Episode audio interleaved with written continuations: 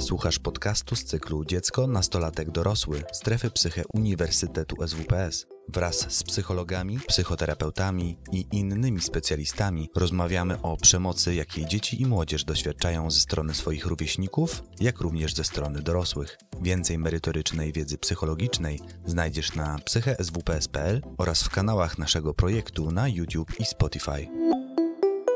Chciałbym podzielić się naszymi doświadczeniami zespołu właśnie Środowiskowego Centrum Zdrowia Psychicznego dla Dzieci i Młodzieży e, w pracy z konsekwencjami przemocy, tak szeroko rozumianej. Kilka słów właśnie o, o naszej placówce. E, działamy od 2020 roku, tak aktywnie, mniej więcej od sierpnia. Aktywnie, czy już przyjmujemy fizycznie pacjentów e, i działamy w ramach e, Europejskiego Funduszu Społecznego. W tej reformie NFZ-owej pokazanej przez panią profesor znajdujemy się gdzieś pomiędzy pierwszym i drugim poziomem referencyjnym. Mamy oddział dzienny, e, mamy zespół terapeutów, pracujemy środowiskowo, ale jeżeli chodzi o różne wymagania NFZ-owe, jesteśmy trochę za mali na ten moment. Nasz zespół aktualnie składa się z jednego psychiatry. Mamy to szczęście, że udało nam się e, właśnie zatrudnić e, psychiatrę. E, działa na pełen etat. Mamy też sześciu psychoterapeutów, dwóch psychologów, diagnostów, konsultantów oraz dwóch pracowników pierwszego kontaktu. Ja także pracuję jako psychoterapeuta na, na część etatu w centrum, a poza tym mam przyjemność prowadzić zespół i, i tak merytorycznie tutaj zarządzać nim.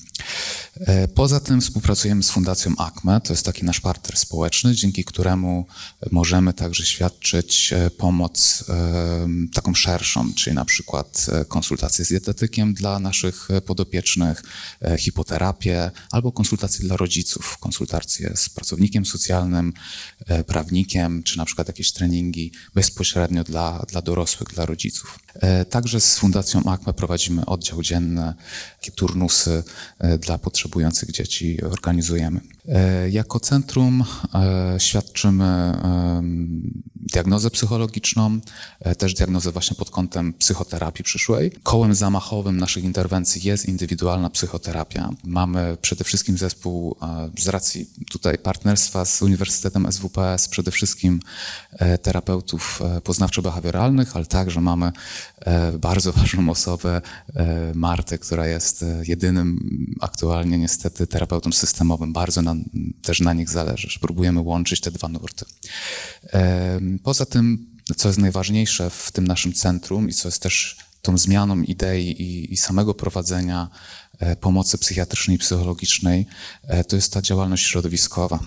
Czyli nie chcemy pasywnie czekać na naszych pacjentów w gabinecie i raz na tydzień przyjmować ich, plus jakieś konsultacje psychiatryczne, ale aktywnie współdziałamy ze środowiskiem, ze szkołą, z rodziną, także mamy wizyty domowe, Także mm, jesteśmy otwarci na e, taką, taki kontakt i współpracę pomiędzy sesjami. Czyli większość naszych terapeutów dzieli się swoimi telefonami, jest jakiś kontrakt na kontakt pomiędzy sesjami. E, jeżeli jest potrzeba interwencji w szkole, to też to robimy. To jest ta zmiana, która ma przynajmniej w idei, e, zapewnić e, tą profilaktykę hospitalizacji, czyli ta dezinstytucjonalizacja pomocy psychiatrycznej. I do tej pory, właśnie przez, przez ten okres działania, przyjęliśmy około 190 dzieci na pełną interwencję. Czyli to są dzieci, które miały zarówno proces diagnostyczny, konsultacje psychiatryczne, niektóre są pod stałą opieką psychiatryczną, natomiast niektóre tego nie potrzebują. Psychoterapia indywidualna i oczywiście spotkania z rodzicami, e, interwencje tak zwanego otwartego dialogu, gdzie, gdzie próbujemy e, tutaj z całą rodziną, z całym systemem odpowiedzieć na najważniejsze ich e, zapotrzebowania. Jeżeli chodzi o doświadczanie przemocy przez naszych pacjentów, no to jest to nagminne. My nie, nie pracujemy bezpośrednio z przemocą, tylko pracujemy z jej konsekwencjami. Nie, bo gdzieś jesteśmy placówką medyczną, e, to są medyczne e, interwencje, e, więc musimy też nadać temu jakąś nazwę, obojętnie w jakimś nurcie, nurcie pracujemy. Więc nie pracujemy z przemocą, tylko na przykład pracujemy z zaburzeniami adaptacyjnymi, z depresją, z PTSD. W wielu, wielu tych przypadkach w tle widzimy liczne przypadki przemocy. I co jest ważne, każdego rodzaju. Akurat w naszym centrum mam wrażenie, że jest to głównie przemoc jednak stosowana przez dorosłych dużo większym zakresie niż przemoc rówieśnicza konsekwencje, czas trwania tutaj odciska e, jakby większe piętno.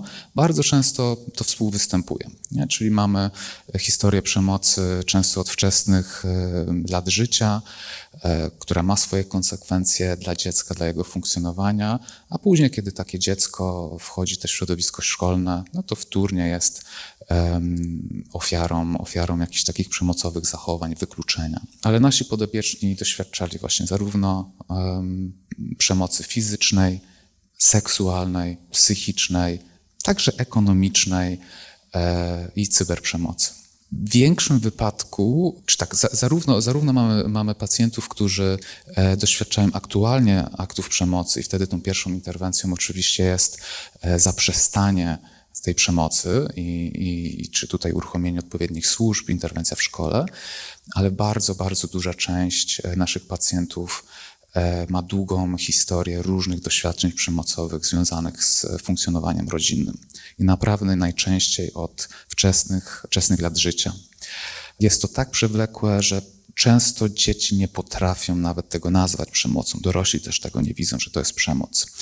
E, I niezwykle często jest to bycie świadkiem przemocy, czy wobec e, stereotypowo, ale statystyki to też nasze takie anegdotyczne potwierdzają, ta przemoc mężczyzny, ojca wobec matki, ale także przemoc wobec na przykład starszego rodzeństwa i bycie świadkiem, kiedy są kary cielesne wymierzane. I co dla mnie jest niezwykle ważne, i to jest też jakoś mój konik e, zawodowy, takie moje duże zainteresowanie, e, to jest takie rozróżnienie, nie wiem na ile akademickie, ale dla mnie jako klinicysty jest niezwykle ważne, pomiędzy agresją, przemocą i zaniedbaniem. E, bo tutaj wczoraj dużo było też o tym, czym jest przemoc, jak ją zdefiniować, e, rozróżnianie agresji od przemocy.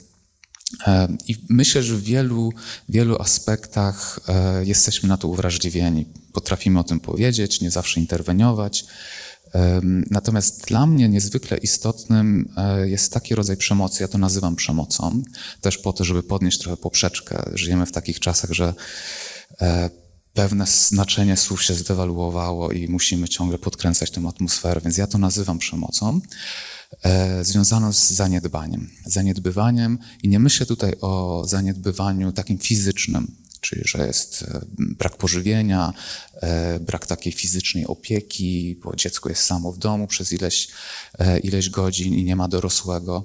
Mam na myśli takie zaniedbania związane bardziej z potrzebami emocjonalnymi związanymi z brakiem poczucia bycia akceptowanym, e, z brakiem e, poczucia bycia wystarczającą osobą, z brakiem pochwał, zauważania pozytywów, z nadmiernymi wymaganiami, które właśnie przez to, że mają taki bardzo subtelny charakter, w wielu aspektach naszej kultury jest to wręcz um, pozytywne. E, dobrze jest być pracowitym, dobrze jest być ambitnym, e, dobrze jest chcieć więcej, dobrze jest dawać z siebie wszystko. Mamy takie różne e, przysłowia, które w naszych rodzinach funkcjonują, jakieś mity, jakim człowiekiem warto być. I gdzieś pod tym bardzo łatwo jest ukryć taką przemoc emocjonalną. Przemoc niezwiązaną z aktywnym przekraczaniem granic, ale nie dawaniem dziecku takich naj, najważniejszych, najbardziej podstawowych potrzeb jak na przykład właśnie akceptacji, bliskości, możliwości wyrażania e, swoich emocji bez strachu, bez lęku, spędzania czasu po prostu, możliwości zabawy, spontaniczności, odkrywania siebie, możliwości autonomii, ale także zdrowych, bezpiecznych granic. Nie? Czy to nie jest tylko tak, że rodzic ma e, pozwalać dziecku na wszystko. Nie, rolą rodzica i opiekunów jest także ukierunkowywanie, ale właśnie w zdrowy sposób dostosowane do danego etapu rozwoju. E, jest to rodzaj przemocy, który jest bardzo łatwo pomijany. Jest trudny do, do nazwania, trudny do złapania i trudny do interwencji. Nie? No bo kiedy jest tutaj aktywna przemoc fizyczna, no to okej, okay, mamy, mamy tutaj odpowiednie algorytmy postępowania. One lepiej działają, gorzej, mamy różne doświadczenia, ale przynajmniej jest tutaj jakaś interwencja. Źle się dzieje, możemy odizolować sprawcę przemocy od, e, od ofiar. Natomiast w momencie takiego subtel, takiej subtelnej, przewlekłej przemocy, no często rozkładamy ręce, no bo w sumie no to jakie mamy rozwiązanie? To zabieramy dziecko z takiej rodziny? No w sumie nie dzieje się taka krzywda. Więc nie ma tutaj dobrych rozwiązań, ja też ich nie mam. Natomiast e, z własnej, e, własnej praktyki i w centrum, ale także jak pracuję z dorosłymi w prywatnym gabinecie, e, widzę olbrzymie, olbrzymi wpływ właśnie takich zaniedbanych podstawowych potrzeb emocjonalnych. Bo gdyby takie sytuacje działy się sporadycznie, że mm, raz czy drugi raz e, rodzic albo nauczyciel powie dwa słowa za dużo i poczuje się oceniony. Jak mnie nie pochwalą, albo jak e, mama obwini mnie o coś i wywoła moje poczucie winy, bo ma zły dzień e, albo nie radzi sobie z własną frustracją albo wypaleniem, wypaleniem rodzicielskim. Krzywda by się nie stała, ale zazwyczaj tego rodzaju przemoc jest przewlekła, trwa latami. I dlatego te konsekwencje mogą być niezwykle e, poważne i często wpisują się w rozwój osobowości. Ja myślę, że też dlatego coraz częściej mówi się o, o, nieprawidłowo rozwijającej się osobowości albo nawet o diagnozach osobowości u nastolatków. Właśnie dlatego, że tego rodzaju e, przemoc jest związana stricte z rozwojem własnej tożsamości i osobowości młodego człowieka. E, chciałbym teraz e, Państwu przedstawić kilka przykładów, przypadków, mówiąc brzydko, takim medycznym żargonem e, naszych podopiecznych. Od razu zaznaczę, aby chronić prywatność, imiona, wiek, pewne płeć także czasem, pewne takie historyczne, życiowe rzeczy tutaj pozamieniałem. Natomiast sens, przekaz, doświadczenie, jest tożsame z tym, czym, e, z czym nasi e, pacjenci się zmagali. I tutaj pierwszy, e, pierwsza osoba to jest Agata, lat 17. E, I to jest właśnie taki przykład, e, który zaczął się od e, przemocy psychicznej, przemocy emocjonalnej. Później w wieku nastoletnim coraz częściej była, była przemoc już fizyczna. Mniej więcej w drugim, trzecim roku życia za granicę do pracy wyjechał ojciec Agaty. Mniej więcej dwa lata później także mama, więc Agata była wychowywana przez swoich dziadków. Zdarzały się takie sytuacje, sytuację. Kiedyś było dużo, dużo badań o tak zwanych eurosierotach, więc nie jest to nic nadzwyczajnego, natomiast dla rozwoju dziecka na pewno niezwykle ważne. Ale to, co było przemocowe, to jest to, co się zaczęło e, w momencie pójścia Agaty do szkoły, gdzie ta edukacja stała się w zasadzie jedynym punktem, najważniejszym punktem rozmów i punktem odniesienia dla rodziców. I w związku z jakimiś niewystarczającymi osiągnięciami, mówię w cudzysłowie osiągnięciami, bo tutaj mówimy nawet o, o sytuacji 1-3, e, klas 1-3, rodzice przerwali e, rozmowę telefoniczną, bo Agata dostała czwórkę z czegoś, bo się nie uczy wystarczająco. Doszło do takich sytuacji, że Agata wpadała w płacz, kiedy dostała czwórkę w szkole i szła do nauczyciela, szlochając, błagając o to, żeby dostała szansę na poprawę, bo nie będzie mogła porozmawiać z tatą. Oczywiście to wszystko działo się za czterema ścianami. Nikt o tym nie wiedział, bo to wielka tajemnica. I dla samej Agaty było to coś normalnego. Nawet jak mówiła o tym, no to nauczyciele traktowali to jako nadgorliwą, nadambitną e, uczennicę, która w cudzysłowie przesadza. Nikt nie pomyślał, z czym naprawdę e, ta dziewczynka musiała sobie radzić. E, Im była starsza, okres nastoletni, pojawiła się także i młodsza siostra w międzyczasie. E, coraz częściej e, mama wróciła z zagranicy, później też tata po paru latach z tej takiej ciągłej pracy. No i zdarzały się coraz bardziej fizyczne akty przemocy, bicie, bicie miotłą po głowie, wyrzucanie z domu za naprawdę małe przejawy zakaz wyboru liceum, na którym zależało Agacie, doszło do sytuacji, kiedy sama uciekła do właśnie do swojej babci, która założyła sprawę rodzicom, była niebieska karta i na szczęście babcia e, dostała prawo e, opieki nad, e, nad swoją wnuczką. ale jako kontra rodzice oskarżyli babcię o przemoc i Agatę także o przemoc i następowała batalia sądowa, która oczywiście wtórnie traumatyzowała tą młodą dziewczynę. Jeżeli chodzi o, o, diagnozę, no to trafiła do nas z zaburzeniami adaptacyjnymi, z objawami, e, objawami depresyjnymi. E, też to było związane z kolejnym opuszczeniem, z, no, z, z załam, ze złamanym sercem, nieudanym związkiem. E, na szczęście tutaj nie była potrzeba ani hospitalizacji, ani farmakoterapii. Bardzo fajnie Agata poradziła sobie z tą sytuacją, natomiast prawdopodobnie sytuację opuszczenia, asertywności, e, niepozwalania innym na przekraczanie swoich granic jeszcze długo u Agaty będą takim wrażliwym punktem i pewnie dopiero w dorosłości na kolejnej terapii ostatecznie sobie z tym poradzi. Waleria jest to moja pacjentka pochodzenia rosyjskiego, natomiast tutaj w Polsce jest od paru lat, świetnie mówi po polsku. I jest to, jest to bardzo, bardzo fajna dziewczyna, ale z wielkimi problemami, które najprawdopodobniej mają też tło neurorozwojowe, niezdiagnozowane. Dużo jest przesłanek, które gdzieś sugerują, że e, prawdopodobnie od wczesnych, od urodzenia e, miała jakieś trudności z integracją sensoryczną, były podejrzenia może jak spektrum, ale gdzieś przez lata nie było to zdiagnozowane. No a w wieku prawie 18 lat jest to trudne, nie? czyli psychiatrzy raczej nie lubią diagnozować takich rzeczy wstecz. E, ale gdzieś na tym tle, e, jakkolwiek to było, na pewno były to specjalne potrzeby, które nie były zaspokojone. Pewna nadwrażliwość sensoryczna. I historia przemocy fizycznej i psychicznej, szczególnie od babci i, e, i mamy, gdzie kary cielesne, ośmieszanie, unieważnianie, zastraszanie. Ojciec, który był często nieobecny, bo też pracował za granicą. I co było Kolejną straszną, traumatyczną rzeczą to było wieloletnie molestowanie seksualne od mniej więcej 6-7 roku życia przez trenera tańca. Więc dziewczynka z niezwykłą historią e, i w związku z tym także z bogatą aktualnie e, historią e, kliniczną. Bo do tej pory miała cztery hospitalizacje, doświadcza bardzo silnych e, sytuacji depersonalizacji, derealizacji, e, samouszkodzenia, myśli, próby samobójcze.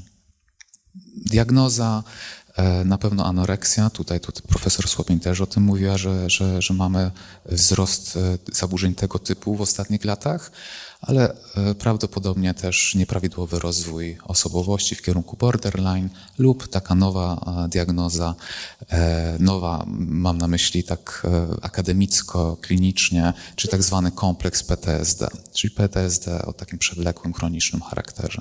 Kinga, tutaj była przemoc e, fizyczna ze strony ojca, przede wszystkim wobec matki, ale później po urodzeniu drugiego, drugiego dziecka także wobec e, Kingi, wobec tej starszej.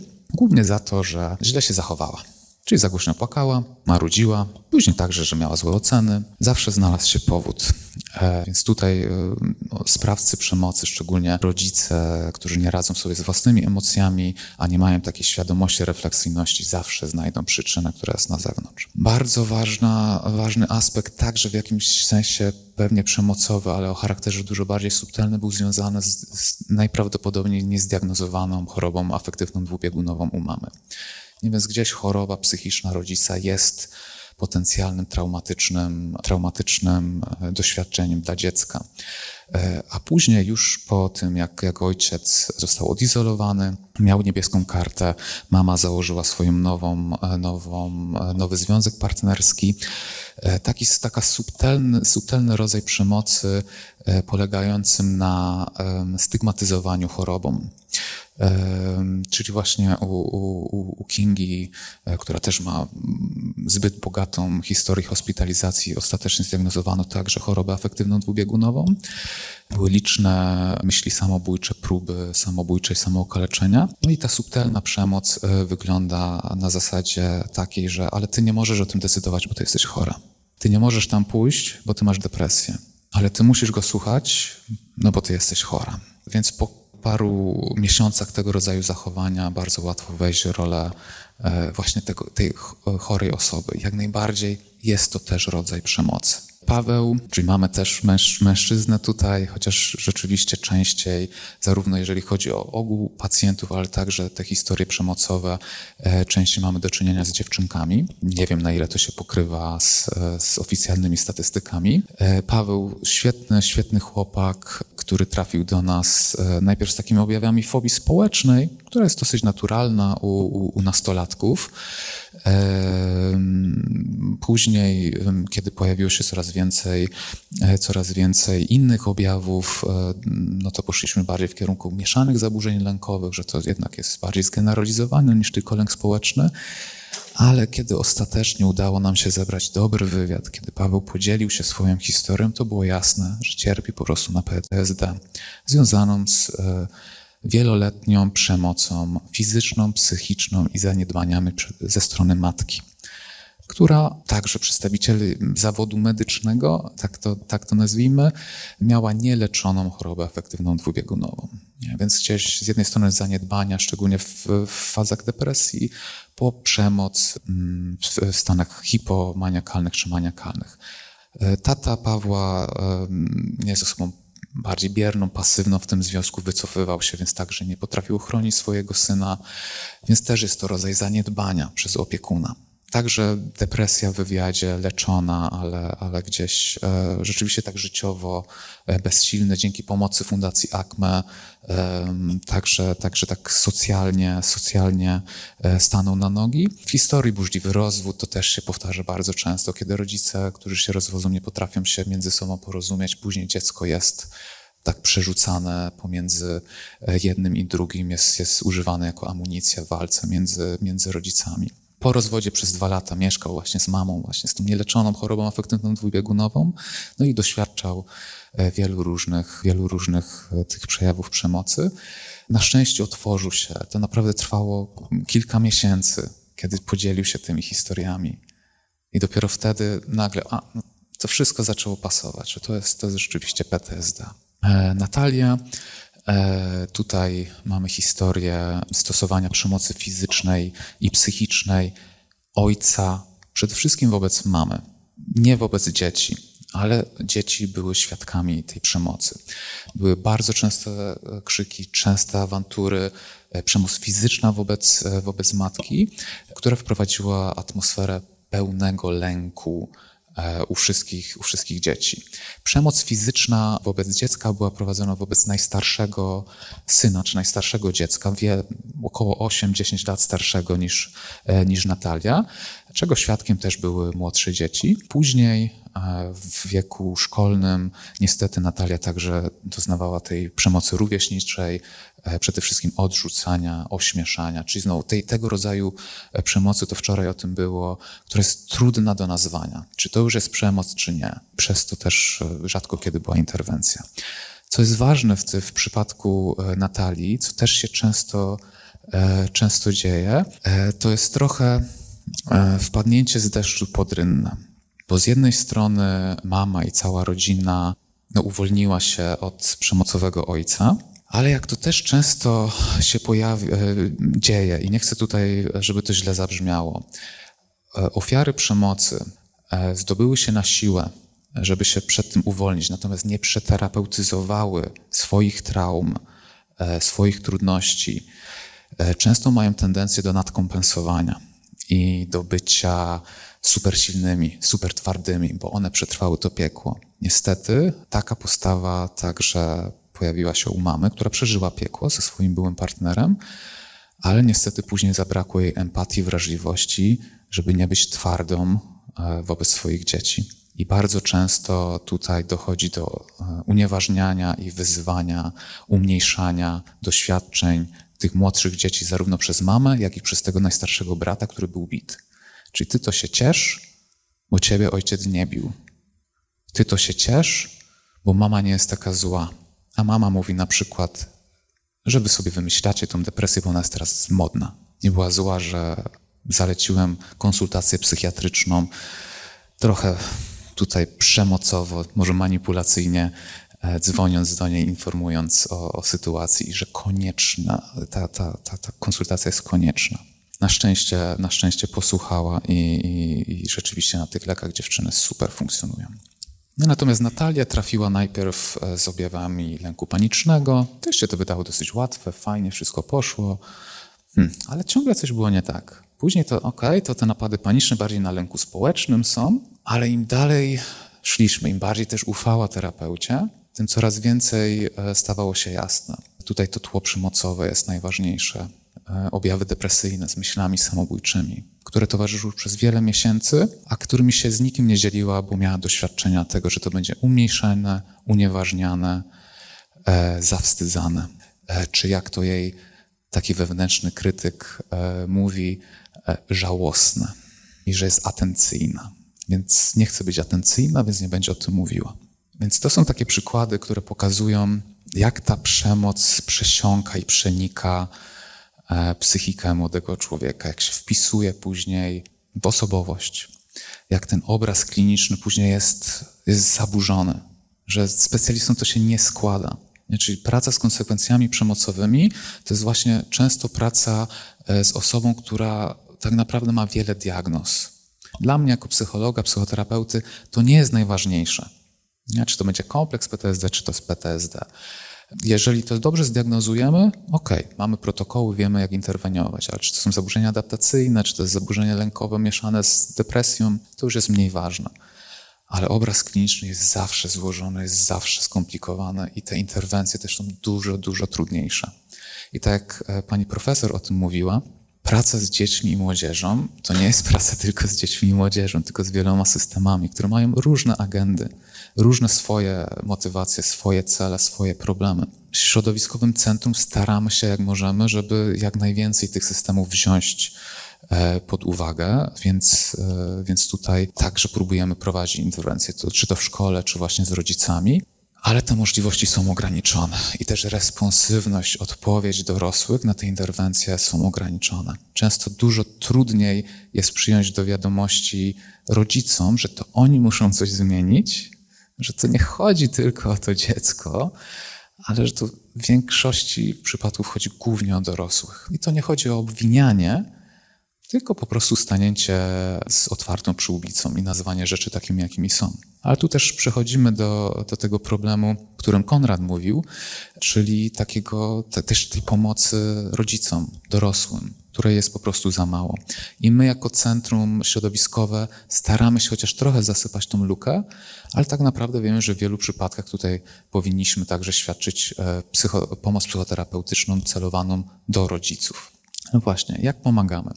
No to przede wszystkim, jeżeli jest aktywna przemoc, próbujemy ją zatrzymać. Uruchamiamy odpowiednie instytucje, współpracujemy z nimi, mówimy, nazywamy wprost, psychoedukujemy rodziców. Bo czasem zdarza się, że to po prostu jest brak świadomości. Edukujemy i, i uważniamy oczywiście, e, czy uprawomocniamy e, te doświadczenia dzieci e, doświadczającej tej przemocy. E, także wszelkie inne doświadczenia, które są związane z jej konsekwencjami. Jest to niezwykle ważne i tak naprawdę w pierwszej interwencji to jest główne narzędzie. Czyli wysłuchać, podstawowe umiejętności pomagania, parafrazowanie, słuchanie, ale rzeczywiście słuchanie. E, czyli jak zadajemy pytanie, to słuchajmy, nie oczekujmy odpowiedzi. To jest takie w naszej szkole, że jak nauczyciel zadaje pytanie, rodzic też często to już oczekuje odpowiedzi. Nie? Czyli jak się pytamy na polskim, co autor miał na myśli, co podmiot liryczny miał na myśli, nauczyciel wie, co, co, co uczeń powinien odpowiedzieć. I później, kiedy rozmawiamy z dziećmi na inne poważne tematy, taka tendencja też wchodzi, nie? więc wysłuchujmy tych dzieci. E, no i później psychoterapia konkretnych zaburzeń po odpowiedniej diagnozie, czyli nie pracujemy z przemocą, tylko właśnie z depresją, z lękiem, z PTSD, z kształtującą się e, osobowością. Interwencje zawsze próbujemy też ukierunkować na te najbardziej groźne, niebezpieczne dla zdrowia i życia e, objawy, czyli samookaleczenia, samouszkodzenia, myśli, zamiary, próby samobójcze. To jest zawsze priorytet.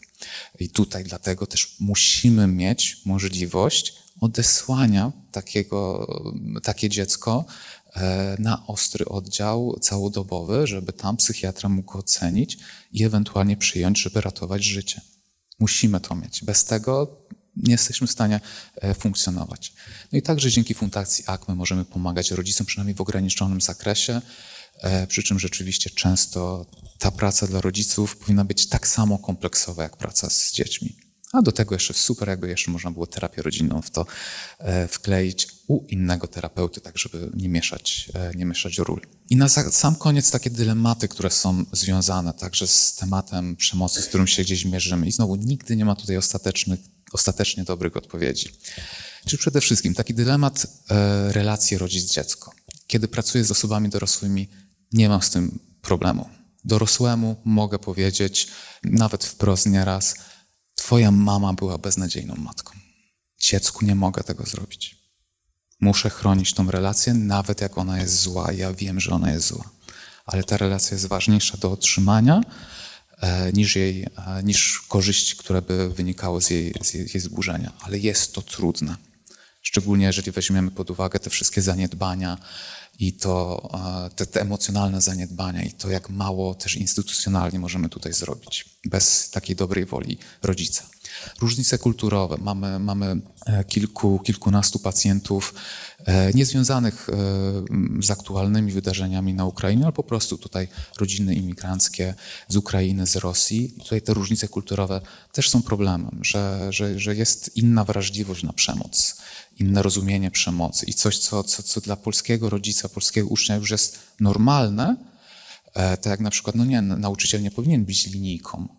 Dla osób e, ze wschodu to często bywa e, zaskoczenie, że to jest przemoc. No nie, no to jest dyscyplina. Temat orientacji seksualnej, identyfikacji płciowej, E, który jest bardzo trudny i, i, i, dla wielu kontrowersyjny w naszym kraju z jakiegoś powodu, natomiast też e, powoduje duży lęk i także często spotyka się z odrzuceniem, niezrozumieniem, krytyką, ośmieszaniem ze strony dorosłych czy innych, e, czy także rówieśników. Ponowna traumatyzacja, też pani profesor mówiła o tym, szczególnie w przypadku konieczności zeznawania przed policją, przed prokuratorem, sądem, ale także zeznawania w, w czasie rozpraw E, rozwodowych. E, kolejne wizyty w, w ośrodkach, e, które mają ocenić jakość relacji między dzieckiem a, a rodzicem, ale także w, po, potencjalne wtórne traumatyzacje podczas naszych wizyt, kiedy prosimy po raz kolejny o opowiedzenie jakichś trudnych wydarzeń. No i także coś, co, co się pojawia, nie jest to częste, ale rzeczywiście jest to dla nas duży dylemat, czyli przemoc dzieci wobec rodziców dziecku nie możemy założyć niebieskiej karty.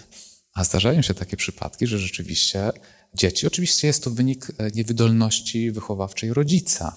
To nie jest tak, że, to się tak nagle dzieje, ale rzeczywiście, e, kiedy rodzic jest, e, i to zazwyczaj jednak jest matka, jest pasywny, wycofany, bierny, często zmaga się z własnymi trudnościami, często depresyjnymi, a dziecko, zwykle nastolatek w okresie buntu, czuje swoją siłę, czuje swoją przewagę, też nadkompensuje jakieś swoje oczywiście słabości.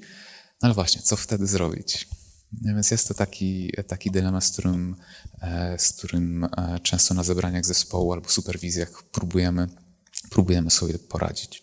Dziękuję bardzo za uwagę.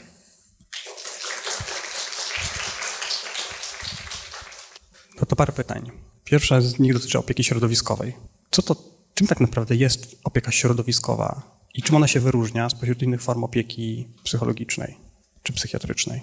Bardziej znana opieka środowiskowa to mogą być takie domowe wizyty lekarskie. Nie? To jest taki rodzaj e, chyba znany wcześniej e, opieki środowiskowej, czyli kiedy z różnych przyczyn osoba często schorowana, e, jakoś niedo, fizycznie niedołężna nie może, nie może sama się udać do placówki, no to wtedy lekarz przychodzi. Więc, więc jakby to jest coś, co może mogą osoby znać trochę lepiej. Natomiast jeżeli chodzi o psychiatrię i, i psychologię, jest to nowy system, który dopiero wdrażamy. Nie ma tutaj jeszcze takich złotych standardów, szczególnie dla, jeżeli chodzi o dzieci i młodzieży, o dzieci i młodzież, który polega na tym, żeby jak najszybciej interweniować, kiedy dzieje się kryzys, najlepiej angażując system społeczny. Zazwyczaj jest to rodzina i szkoła w przypadku dzieci i młodzieży. I tutaj specjalista jest proaktywny, czyli my jesteśmy gotowi, że okej, okay, jedziemy do Twojego domu, Rozmawiamy nie tylko z Tobą, ale także z Twoimi rodzicami, wspólnie rozmawiamy. Jedziemy do szkoły. W naszym przypadku, jakby sam, sama idea takiej, takiej pomocy środowiskowej jest bardziej obecna na Zachodzie, w krajach skandynawskich, natomiast ona też głównie jest e, u osób dorosłych i przede wszystkim w przypadku psychos i kryzysów psychotycznych. Więc wtedy to jest taka ważna interwencja, że rzeczywiście jest team, który jedzie i próbuje e, pomóc całej rodzinie w takim ostrym kryzysie psychotycznym, żeby nie było konieczności hospitalizacji.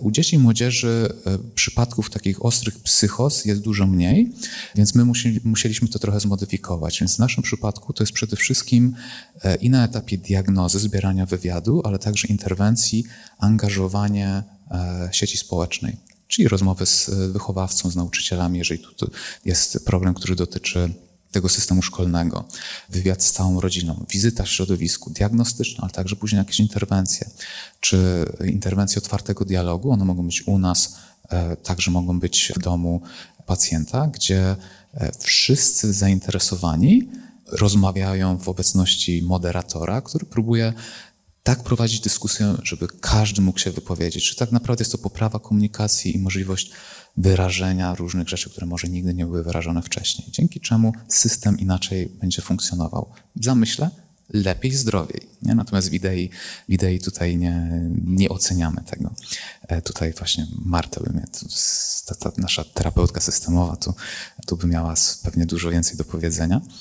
E, więc głównie jest to ta, ta zmiana, że proaktywnie próbujemy angażować jak najwięcej sieci społecznych, co też jest dla nas dylematem jako psychoterapeutów, bo my jesteśmy uczeni tego, e, że ta prywatność, intymność, relacja pacjent-terapeuta jest święta. A wiemy, że tutaj interwencja w domu by się przydała, ale moja pacjentka wcale nie chce, żebym rozmawiał z mamą. Więc nie jest to tak proste, jak się wydaje, ale na drodze negocjacji, jeżeli ma się dobrą relację, ja jestem przekonany, że relacja terapeutyczna jest podstawą. Naprawdę po paru takich spotkaniach, kiedy dziecko czy nastolatek uwierzy, że my chcemy dobrze, jakby co ochronimy też, yy, też dziecko, to ta gotowość na, na otwarcie na inne, inne osoby i żeby też poruszyć jakieś tematy jest coraz większa i wtedy jest to możliwe. A na jakim etapie rozwoju pomocy środowiskowej czy opieki środowiskowej się obecnie znajdujemy w Polsce?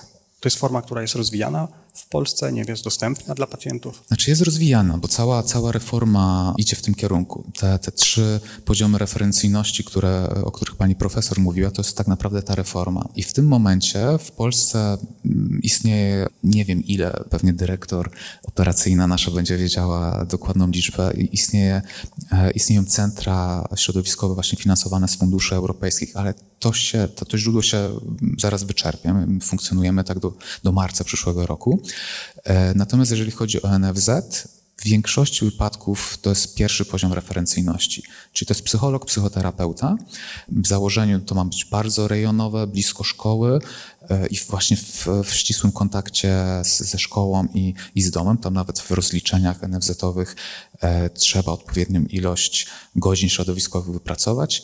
I przez sztywność NFZ-u wiem, że wiele placówek ma duże problemy, bo w czasie lockdownu szkoła nie funkcjonowała, więc nie można było e, odbywać tych wizyt środowiskowych, które się odbywały inaczej, czyli na przykład były rozmowy telefoniczne albo online. E, natomiast e, placówki są ryczałtem finansowane, no i nie mogły się z tego rozliczyć i NFZ tego nie akceptował i muszą zwracać koszty i padają.